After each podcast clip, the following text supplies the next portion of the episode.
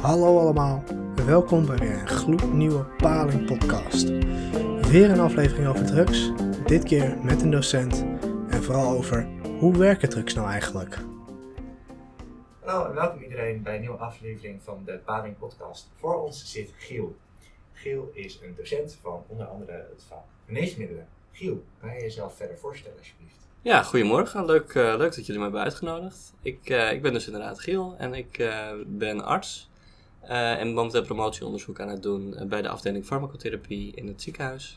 Ehm, en zoals gezegd, we geven we inderdaad eh, bij gezondheid en leven onder andere het vak geneesmiddelen. Ja, leuk. Want we willen met jou eh, de podcast opnemen dat we de vorige aflevering met de politie hebben gedaan over drugs. En met jou willen we graag ook over drugs praten, maar dan meer over het werkingsmechanisme van drugs. Dus hartstikke leuk dat jij hier aan mee wil werken. Ja, echt top. Eh, vorige keer hebben we voornamelijk eh, ja, over eh, drugs dus gepraat en over wat politieagenten vooral zelf hadden meegemaakt met mensen op straat die bijvoorbeeld ja, in de problemen kwamen met drugs. En ook hadden we toen gevraagd welke drugs zij dachten dat het meeste eh, ja, voorkwamen, werden gebruikt in Amsterdam en omstreken. En daar kwam toen ter sprake dat het voornamelijk softdrugs waren op straat en op feesten ecstasy MDMA en ook wel cocaïne. Eh, zou je misschien wat kunnen vertellen over werking van bijvoorbeeld softdrugs, zoals niet? Ja, ja, zeker. Ja, dus dat is eigenlijk niet zo gek hè, dat, dat de politie dat merkt, dat dat op verschillende manieren wordt gebruikt. Want de effecten zijn ook heel verschillend. Van eh, de softdrugs zoals eh, hash en wiet. Ehm, daar word je eigenlijk een beetje relaxed van, krijg je een soort nou, mild psychedelische ervaring. Eh, dus dat wordt inderdaad vooral gebruikt in vriendengroepen, tijdens eh, hangen op straat, eh, dat, soort, dat soort momenten. Terwijl van de pillen en de poeders, daar, daar word je actief van. En dat zorgt ervoor dat je lang door kunt gaan met, met dansen. Ehm, dat je wat vrolijker wordt op de dansvloer. Ehm, dat is op die momenten natuurlijk heel prettig. Maar als je relaxed met je vrienden op straat zit, zijn die drugs wat minder prettig. Ja, want is dat effect, blijft dat dan lang aan van, van softdrugs of is dat verschillend per, per drug? Ja, dat is, dat is heel verschillend per druk. Ehm, als je kijkt naar de, de wiet en de hash, dan zijn dat over het algemeen middelen die nou ja, tot enkele uren effect geven. Maar dat is ook weer heel erg afhankelijk van eh, hoe je ze hebt ingenomen. Als je ze rookt, dan komen ze vrij snel in je bloedbaan. Verspreiden ze zich ook vrij snel door het lichaam. Ehm, en dan zie je dus snel effect. Maar daardoor ook een wat korter effect. Terwijl als je bijvoorbeeld spacecake hebt gegeten, dan komt de druk veel langzamer vrij. Dus als het helemaal in je bloed zit, is het precies dezelfde stof. En dan verwacht je ook dat het net zo lang werkt. Maar omdat het vanuit je maag-darmkanaal wat langzamer wordt opgenomen, zie je ook dat de effecten veel langer kunnen aanhouden. Hoe zit het dan bijvoorbeeld met truffels? Weet je dat toevallig ook? Oeh, dat is, eh, dat is een moeilijke vraag. Nee, hoe dat specifiek met truffels zit, dat, eh, dat durf ik eigenlijk niet, eh, niet te zeggen. Die worden natuurlijk wel gegeten. Dus om die reden verwacht je wel die vertraagde opname. Ehm, maar het hangt ook heel erg vanaf hoe een drug of een geneesmiddel zich door het lichaam verspreidt. En als we dan weer even terugkijken naar de THC-bevattende middelen, ehm, dan weten we dat het THC dat is heel erg lipofiel. Wat betekent dat het graag in het vetweefsel gaat zitten. En daardoor wordt het vetweefsel van je lichaam wordt een soort depot waarin het wordt opgeslagen. Op dat moment is het niet per se heel actief, hè, want de effecten vinden plaats in je brein. Dus als het in je billen zit, ja, dan zit het niet in je brein. Ehm, maar dat zorgt er wel voor dat het, dat het lang in het lichaam kan blijven en dat het ook tot lang aantoonbaar is. Dus zeker bij iemand die het regelmatig gebruikt, kun je THC nog tot, tot, tot wel drie maanden eh, na het laatste gebruik aantonen in het lichaam. Dat is overigens wel echt met de CIA-achtige methode hoor. Als je gewoon een speekseltest doet, dan verwacht je dat dat eh, maximaal een aantal dagen positief is. Het zou wat zijn als je dan wordt aangehouden en dan opeens een test moet doen dat er een stukje deel van je wordt afgenomen. Ja, ja precies. En ook het, het gaat ook in haren wordt het, eh, wordt het opgenomen. Dus dat, dat is hoe de, nou ja, de, de meer forensische laboratoria er dan naar kijken. Ja, want zijn er dan ook bepaalde softdrugs ehm, die dan langer in het lichaam een werking hebben, een andere soort werking hebben, bijvoorbeeld medi- medicamenteuze eh, werking, of die je ook in kan zetten als medicamenteuze behandeling? Ja, zeker. Heel veel drugs hebben of juist een oorsprong in de geneeskunde. eh, of worden andersom nu vanuit nou ja, het, recreatieve gebruik meer ingezet eh, voor geneeskundige effecten. Ehm, ik denk dat de meeste mensen het voorbeeld van medicinale cannabis wel kennen. Ehm, dat is eigenlijk precies dezelfde eh, werkzame stof, namelijk het THC, wat dan, dan wordt toegediend. Eh, de toedieningsmethoden zijn, kunnen ook gelijk zijn. Hè? Dus, dus medicinale wiet kun je ook gewoon roken. Ehm, je kunt het eten, eh, maar je ziet medicinaal vaak dat, het, dat er vaker de eh, THC-oliën worden gebruikt. Ehm, maar het effect daarvan is heel vergelijkbaar. Als je kijkt naar andere drugs, dan weten we bijvoorbeeld dat ketamine, hè, dat is eigenlijk van oorsprong is dat een anestheticum. En dat wordt ook nog steeds op operatiekamers en in de diergeneeskunde wordt dat gebruikt als, nou ja, als, als anestheticum, als, slaapmiddel en ook als pijnstiller. Ehm, dus dat. Ja, eh, andersom. eh, dat is natuurlijk een, een drug die we vooral kennen van het uitgaansleven. Eh, maar er zijn nu studies waarbij ecstasy, MDMA, wordt gebruikt in de behandeling van depressies. Eh, dus dat is een nieuw onderzoeksveld en er, er lijken positieve resultaten te zijn. Dus het zou kunnen dat we over een aantal jaren eh, ook ecstasy gaan voorschrijven aan mensen met eh, depressies. Hoe kijk je daar zelf eigenlijk tegenaan? Ja, ik denk dat dat niet per se nadelig is. Hè? Als die middelen goed werken, dan is dat denk ik heel goed dat ze ook voor ziektes worden ingezet. Ja, want nu heb je natuurlijk ecstasy en MDMA die heel vaak op feestjes worden gebruikt als, als partydrug.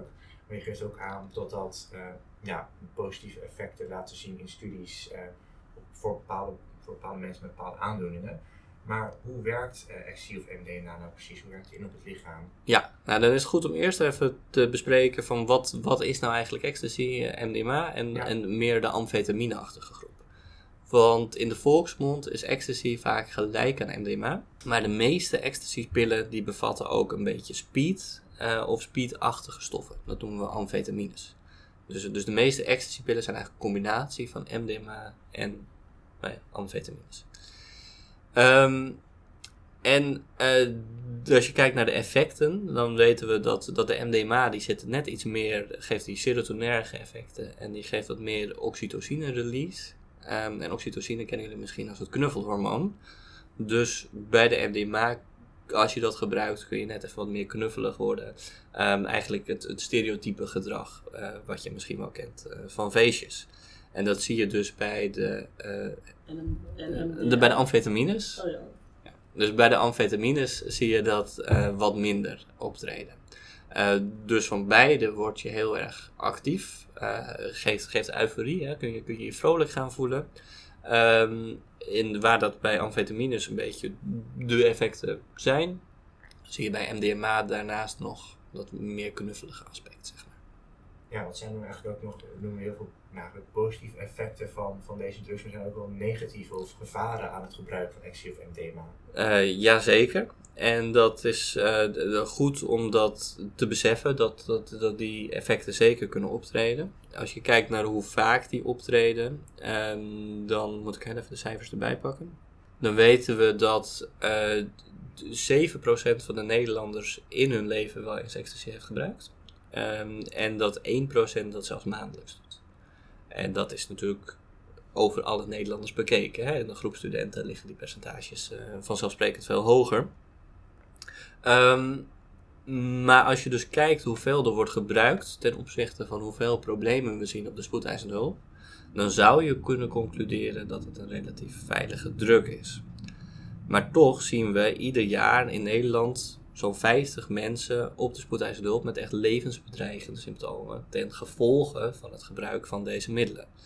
En de sterftecijfers die worden helaas wat minder goed bijgehouden, maar die variëren tussen de 1 en de 5 per jaar. Ehm, het is gelukkig nog altijd nieuwswaardig als iemand tijdens een Amsterdam Dance Event eh, komt overlijden. Ehm, hè, dan zie je, zie je vaak wel een nieuwsbericht zie je daarover. Ehm, maar dat treedt dus tussen de 1 en de 5 keer per jaar alsnog op.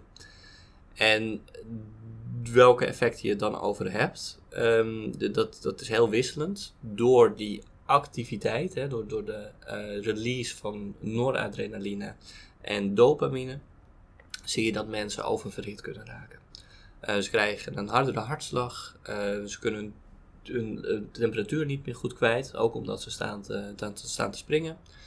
Ehm, en de bloeddruk kan enorm hoog worden. En de- met name die eh, oververhitting, die hyperthermie, eh, die kan aan zich kan die, kan die al heel gevaarlijk zijn. Dat kan uiteindelijk zorgen voor orgaanfalen. Ehm, dus dat, dat is één groep van de problemen die optreedt. En daarnaast zien we, en dat is, dat is vooral bij de MDMA zien we dat, de zogenoemde watervergiftiging. Daar hebben jullie misschien wel eens van gehoord. Mhm. Ehm, en dat, dat is te verklaren doordat je van MDMA je eh, vocht kunt gaan vasthouden. Dus je gaat je water minder goed uitlassen. Ehm, dat zijn tevens mensen die vaak nou ja, wel hard staan te dansen, dus daar dorst van krijgen. Ehm, en soms hebben ze zelfs gehoord dat het goed is om veel te drinken bij de drugs. Nou, die combinatie, eh, dat kan echt gevaarlijk zijn. Want dan hou je dus enerzijds je vocht vast, anderzijds neem je veel meer vocht tot je. En dan krijg je dus op een gegeven moment zoveel vocht in je lichaam, dat de, je zouten eigenlijk verdund worden. Waardoor er via osmose eigenlijk vocht richting je organen gaat. Want dat duurt even voordat die organen ook hun zout kwijtraken aan de bloedbaan. En waardoor je weefsels kunnen gaan opzetten. Nou, als dat in je enkels gebeurt, dan is dat meestal niet zo'n probleem. Hè? Dan heeft iemand wat, wat, wat dikkere enkels. Maar als dat in de hersenen gebeurt, is dat wel een groot probleem. En eh, dat is dus het grote gevaar van, ehm, nou ja, van ecstasy bevattende stoffen. Eh, dat je door die acute watervergiftiging een zwelling kunt krijgen van je brein. En dat, dat kan letaal zijn. Dus als je kijkt naar wat is nou de oorzaak van sterfte bij die nieuwsberichten, dan is dat enerzijds de hyperthermie die op kan treden, anderzijds de watervergiftiging. En dan, dan beperk ik me eventjes tot de MDMA op dit moment. En stel, het gaat dus mis. Wat wordt er dan eigenlijk gedaan? Eh, dat is een goede Wat vraag. kan je zelf doen misschien? Stel, je merkt, ik word echt super warm. eh, ik ga transpireren. Ik kan moeilijk plassen. Wat kan je dan het beste doen? Ja, ehm, de, dat zijn eigenlijk twee vragen. Hè? Allereerst van wat, wat doet een dokter nou? Eh, dus, of, of een ambulancebroeder. Die zal afhankelijk van wat het probleem is, proberen om allereerst te zorgen dat iemand eh, zijn temperatuur kwijtraakt. Dus dat is gewoon extern koelen, eventueel een ijsbad of, of een koud infuus, dat soort, dat soort dingen. Om maar te zorgen dat iemand zijn temperatuur afneemt. En daarbij kun je ook eh, slaapmiddelen gebruiken. Ehm, waardoor de spieren zich ook ontspannen en er dus ook een afname is van de hitteproductie. Dat, dat is wat dokters kunnen doen en ten aanzien van de hyperthermie. Ten aanzien van die watervergiftiging is het belangrijk dat je probeert om de zoutbalans te herstellen. En nou ja, dat, dat, dat gaat een beetje ver, maar je kunt proberen zout toe te dienen. Eh, je kunt ook proberen te zorgen dat iemand geen vocht meer tot zich, eh, tot zich krijgt. Hè? Dat, dat, het lichaam zichzelf herstelt, hangt van hoe acuut het is wat je, wat je moet doen. En in een heel extreem geval kunnen ook eh, de schedel lichten. ehm, om te zorgen dat er ruimte is voor het brein om te zwellen. Ehm, maar dat, dat, is, dat is heel extreem hoor. Waarom denk je eigenlijk dat ondanks al deze schadelijke effecten die je dan zo opnoemt en, en mogelijke opties om dan dat te behandelen ter plekke, eigenlijk toch nog zoveel drugs worden gebruikt?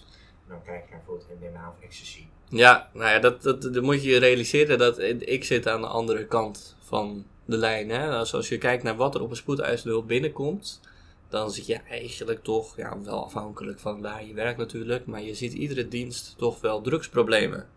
Ehm, en daarvan is een relatief klein deel wordt veroorzaakt door de MDMA en amfetamines. Een wat groter deel door bijvoorbeeld GHB ehm, en, en dat, dat soort stoffen. Ehm, maar als je hem omdraait en het als gebruiker gaat bekijken, dan is de kans dat jij diegene bent die op de spoedeisende hulp belandt, eh, heel veel kleiner. Dus dus dat, dat, dat is net, net aan welke kant van de medaille je, je, je kijkt eigenlijk.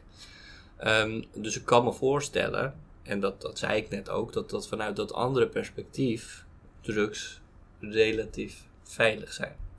En ik denk dus dat men gewoon de positieve effecten vindt opwegen tegen dat risico. Terug naar wat je zei van wat kun je daar nou zelf aan doen. Ehm, eigenlijk denk ik dat eh, voorkomen beter is dan genezen. Dus als jij drugs wil gaan gebruiken, is het belangrijk dat je je van tevoren goed inleest over wat kan ik nou verwachten. En dat geldt nou ja, voor, de, voor de uppers, voor de, voor de middelen waar je harder van gaat dansen, maar dat geldt zeker ook voor de psychedelische drugs. Van wat, wat kan ik nou verwachten? Ehm, zodat je je daar ook op kan instellen. En het is belangrijk dat je die drugs ook alleen gebruikt als je goed in je vel zit. want we weten dat als je niet goed in je vel zit, dan is het risico op een bad trip gewoon veel groter. Met alle gevolgen van dien. Ehm, en we raden vaak aan dat er sowieso één iemand die je vertrouwt nuchter blijft. zodat als er iets gebeurt, dat er in ieder geval iemand is die goed, eh, goed uh, hulp kan verlenen. En eventueel ook professionele hulpverleners kan inschakelen. Ja. Ja, wat goed. Dat werd vorige podcast ook inderdaad uh, besproken. Ja. Als uh, meegever. Maar we hadden net ook over uh, de osmosewaardes en die zoutbalans. Kan je dan bijvoorbeeld het beste iets zouts meenemen? Zo werkt het helaas niet. Nee, het is echt. Um, ik denk, denk dat het belangrijkste is dat je voldoende drinkt, maar niet te veel omdat je dat nou eenmaal ergens hebt gehoord. Dus, dus, dus je moet zorgen dat je niet uitgedroogd raakt. Maar je moet zeker niet overhydreren. Um, daar ga je met een beetje zout, zoute voeding of zo, ga je daar, ga je daar geen verandering in brengen. Dat, uh, dat, dat, heeft onvoldoende effect daarvoor. Okay. Eigenlijk voornamelijk preventie. Ja. ja. Ja, want je begon net eigenlijk ook over, ja, daar is eigenlijk handig of verstandig als je één iemand nuchter hebt die, die meegaat, uh, om daarop uh, op door te gaan. Uh, want in de vorige podcast met de politie spraken ze ook over cocaïnegebruik in combinatie met alcohol en dat je dan juist weer gevoel hebt dat je ontnuchtert. Hoe werkt dat dan precies?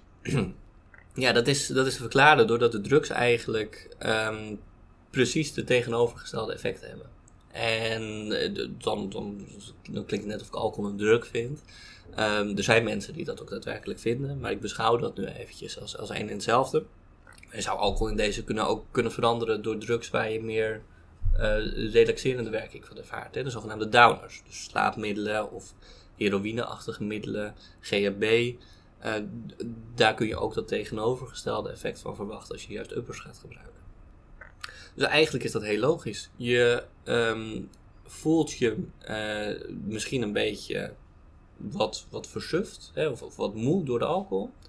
En dan neem je een upper en daardoor voel je je ineens weer heel fitter. En um, nou ja, dat, dat kun je ervaren als ontnuchteren. Maar daar zitten ook nadelen aan. Want het gevolg is dat je dan dus misschien wel meer cocaïne gebruikt dan dat je eigenlijk zou willen, omdat ze elkaar tegenwerken. Waardoor je wel de bijwerkingen van die hogere dosering aan cocaïne kunt krijgen. En andersom, als de cocaïne uitwerkt, wat sneller gebeurt dan de alcohol, dan kan het zo zijn dat je eh, juist van die alcohol weer te veel effecten merkt. En dat je misschien zelfs zoveel alcohol tot je hebt genomen dat, dat, dat je in een coma belandt. Dus, dus het doseren van de verschillende middelen wordt heel veel lastiger op het moment dat je ze gaat combineren. En daardoor zien we ook meer problemen daarmee. Ja. Oké. Want ja, um, er zijn ook best wel wat, mensen die inderdaad drugs gebruiken, zeker ook um, onder de studentengroep. Uh, maar ja, welke drugs zijn volgens u het meest verslavingsgevoelend? Ja, nou, daarvoor moet je onderscheid maken tussen de eh, meer psychologische verslaving, de geestelijke verslaving en de echt lichamelijke verslaving. En, en dat, dat eerste wil eigenlijk zeggen dat je eh, weer verlangt naar de positieve ervaring die je had tijdens het gebruik van de druk. En dat kan heel extreem zijn. Hè? Dat het kan, kan zo'n craving zijn naar de druk dat je nergens anders meer aan kunt denken. Uh, dat, dat zelfs je studie eraan uh, ten onder gaat. Uh, dus, dus het is niet zo dat psychische verslaving per definitie minder erg is dan lichamelijke verslaving. Maar het is wel zo dat, dat middelen die daarnaast ook een lichamelijke verslaving geven, dat die over het algemeen schadelijker zijn. En wat er optreedt bij een lichamelijke verslaving is um, dat, je, dat je eigenlijk wendt aan de druk. Um, waardoor je lichaam de receptoren voor die druk uh, gaat downreguleren. Dan krijg je er minder van. Nou, dat heeft eigenlijk twee effecten. Eén is dat je de volgende keer waarschijnlijk meer van die druk nodig hebt om hetzelfde effect te bereiken. Uh, dat noemen we uh, gewenning. Maar het andere is dat ook je lichaams eigen functies, die via diezelfde receptoren gaan, eh, die kunnen minder plaatsvinden. En daardoor heb je op een gegeven moment een soort continue behoefte aan die druk, ehm, omdat anders dan functioneert je lichaam gewoon niet. En dat zien we bij bijvoorbeeld opiaten en bijvoorbeeld bij GHB zien we dat heel erg. En als die mensen dan niet op tijd hun volgende fix krijgen, nou, dan worden ze echt ernstig ziek en dan kunnen ze zelfs eventueel overlijden. Ja, heftig. Ja, vorige podcast werd er namelijk ook iets over gezegd. Dat uh, politieagenten ook al mensen hadden gezien in de kliniek die inderdaad GHB-verslaving hadden. Dat ze heel langzaam moesten afbouwen. Uh, ook zeiden ze dat wanneer je stopt met GHB je tanden als eerste uitvallen. Klopt dat? Is dat een fabeltje? Nou ja, dus als je het hebt over dat, dat, dat langzaam afbouwen, dan klopt dat absoluut. Ja, dus uh, dat is de behandeling. Dat je um, heel langzaam steeds iets minder van de GHB uh, gaat, gaat krijgen. En dat is dan ook de medicinale GHB die je krijgt, waarvan we de sterkte weten. Hè? Van, van de straat GHB, daar kan de sterkte heel erg verschillen. Dus dat maakt het ook dat dat het lastig is om dat te doseren. Maar van de medicinale GHB ga je dan een heel langzaam afbouwschema over meerdere maanden. Ga je steeds iets minder krijgen in de hoop dat je eigen receptoren zich weer herstellen. En dat je uiteindelijk zonder kunt. Het probleem is dat je ook tegelijkertijd die psychische afhankelijkheid hebt. Um, dus dat zelfs als je helemaal bent afgebouwd, kun je toch de craving hebben naar een nieuwe, uh, nieuwe fix. En dan zie je vaak dat er wordt teruggevallen. Um, en over de tanden? Ja, over de tanden. Dat is, uh, dat, eh, volgens mij, en ik, ik, moet eerlijk zeggen dat ik ook, ook even goed heb gegoogeld daarnaar, um, is dat als je het hebt over de onttrekking echt een, echt een broodje aapverhaal. Het is wel zo dat als mensen verslaafd raken, dan gaan ze minder goed voor zichzelf zorgen. Um, dat zei ik net, van dat de studie eraan ten onder kan gaan, maar de lichamelijke verzorging gaat ook vaak uh, daaraan ten onder. En een van de eerste dingen waar je dat aan merkt, is het gebit. Dus Vandaar dat je bij echt verslaafde mensen vaak ook een gebitsverontreiniging ziet. Dat is vooral door het gebruik van de middelen en door de verslaving. En ik, ik kan dat eigenlijk niet zo goed relateren aan echt een onttrekking daarvan. Of, of, of, of als je het langzaam afbouwt, dat je dan juist gebitsproblemen krijgt. Bovendien zien we dat bij, um, zover ik weet, zien we dat bij GHB niet per se dat GHB aan zich nou slecht is voor je tanden. Terwijl we weten dat het bijvoorbeeld bij methamfetamine, de, de crystal meth, is dat wel echt zo. Dat, dat is erosief voor je tanden. Uh, dus vandaar dat je ook nou, in Amerikaanse series, maar ook, ook in de praktijk natuurlijk, uh, zie je mensen met zo'n echte meth mouth. Hè? Dat ze, dat ze um, echt bijna geen tanden meer hebben. En dat wordt deels verklaard doordat nou ja, de, de drug zelf slecht is voor je tanden goede GHB, en dan goed natuurlijk tussen, tussen aanhalingstekens, heeft in principe heeft dat, is dat relatief pH-neutraal. En, en zou dus niet per se slecht moeten zijn voor je tanden. Maar het wordt wel gemaakt met uh, sterk basische middelen. Um, dus als iemand daar een foutje in heeft gemaakt, dan kan het wel degelijk zijn dat het, dat het slechte GHB is. Verwacht ik echter dat je daar eerder last van krijgt in je slokdarm in je maag, omdat je dat nou direct ziet uh, als tanderosie. Waarom? Je slokt dan aan je maag omdat je het inneemt? Ja, precies. Hè? Dus de, de, de, van je mondzuit heeft het wel kunnen verwachten. Maar als de, die middelen zelf erosief zijn, dan kunnen ze eigenlijk je slokdarmweefsel en je maag, waar het wat langer blijft zitten, dan, dan kunnen het wegbranden. Ja. Um, Heftig. Ja, Zeker. Ja. Dat is niet iets wat je wilt. Nee, inderdaad, klopt.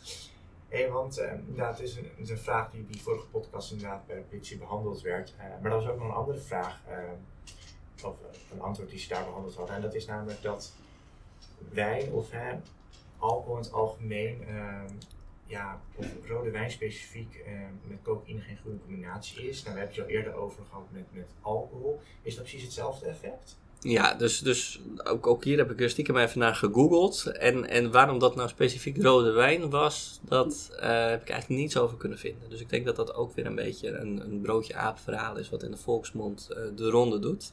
Um, maar wat ik net vertelde over alcohol, ja, dat geldt natuurlijk ook voor rode wijn. Um, en het vervelende aan cocaïne is dat het naast eigenlijk die effecten die we eerder bespraken bij de amfetamines en de MDMA, dus een verhoogde hartslag, een, een hyperthermie, ehm, dat, dat het daarnaast ook een vergrote kans geeft op hartinfarct. En dat is te verklaren doordat je kransslagaders kunnen gaan samentrekken. Ehm, waardoor je hart te weinig zuurstof krijgt en waardoor je een hartinfarct ontwikkelt. Nou, er zijn aanwijzingen dat dat vaker optreedt als mensen ook alcohol hebben gebruikt. En alleen waarom dat dan weer zo is, ja, er zijn enerzijds uh, aanwijzingen dat het komt omdat de alcohol daadwerkelijk reageert met de cocaïne, waardoor je een bepaalde stof krijgt die schadelijker is voor het hart. Mm, maar er zijn ook aanwijzingen dat het gewoon komt omdat de dosering lastiger is en mensen dus meer cocaïne gaan gebruiken als ze tegelijkertijd verzuft zijn. Nou, meer cocaïne is meer kans op bijwerkingen. Dus hoe dat precies zit, daar weten we eigenlijk nog niet, uh, nog niet voldoende van. Maar we zien wel zeker dat dat toeneemt naarmate de combinatie uh, wordt gebruikt. Nou, super interessant allemaal. Um, ik denk dat we ja, heel volledig zijn geweest. Dat er heel veel leuke onderwerpen ja, te pas zijn gekomen. Is er misschien nog iets tegen de luisteraars uh, wat je thuis zou mee willen geven wat betreft drugs?